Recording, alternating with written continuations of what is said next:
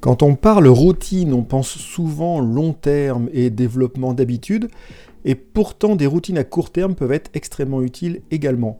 Bienvenue, vous êtes sur J'ai pas le temps pour ça, le podcast proposé par Eric Boucher. Je vous partage des trucs, des astuces, des outils, des méthodes pour être plus efficace au quotidien et terminer la journée plus tranquillement. Cette histoire de routine à court terme vient du blog de Nir Eral, qui est un spécialiste, on va dire, de l'efficacité. Et sur son blog qui s'appelle Nir Anfar, il nous a proposé un article sur le fait que vous n'avez peut-être pas besoin de suivre les mêmes routines tout le temps et que des routines à court terme peuvent également être bénéfiques. Et d'ailleurs, quels sont les 5 avantages qu'il aura trouvés? Le premier, selon lui, ces routines à court terme vont nous aider à déterminer nos valeurs, c'est-à-dire de pouvoir euh, chercher, en fait, trouver des éléments qui vont être pertinents et pouvoir les faire remonter en suivant ces routines.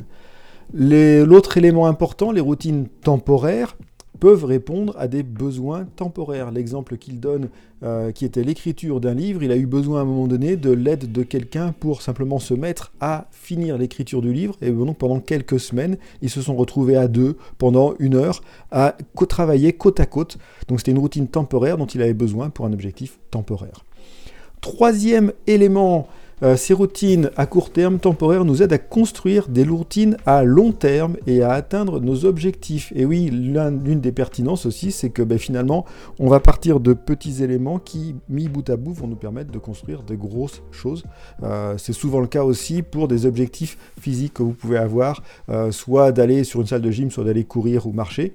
ça peut être pratique de commencer sur quelque chose de plus simple. Cinquième élément non négligeable, surtout si vous avez écouté mes autres euh, épisodes sur la partie procrastination, ces routines à court terme répondent à notre soif de nouveauté. C'est vrai que quand on parle de routine, euh, ben, routinier par définition, on va être sur quelque chose de très répétitif. Là, en mettant des routines nouvelles plus court terme, ça va nous permettre aussi d'adresser ce besoin de nouveauté. Et enfin, dernier point, toujours selon Nir Eral, euh, ces routines à court terme amènent de la créativité et des nouvelles compétences.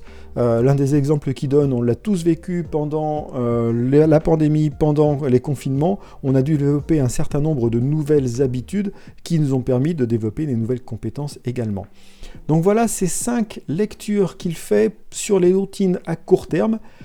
Autre question, comment on fait pour les adopter? Point intéressant, on en a déjà parlé dans différents épisodes. Sa recommandation dans ce contexte, c'est le time boxing, c'est-à-dire mettre du temps dans vos agendas, y compris courts, pour justement pratiquer ces petites routines. Ça peut être du temps court, l'un des exemples qu'il donne, c'est 15 minutes dans une semaine pour revoir la planification ou les habitudes que je veux travailler sur la semaine suivante. C'est simple, c'est court, c'est efficace. Donc ces petites routines à court terme peuvent être accompagnées par des petits éléments qui vont être bloqués dans votre agenda et qui vont être faciles à mettre en place.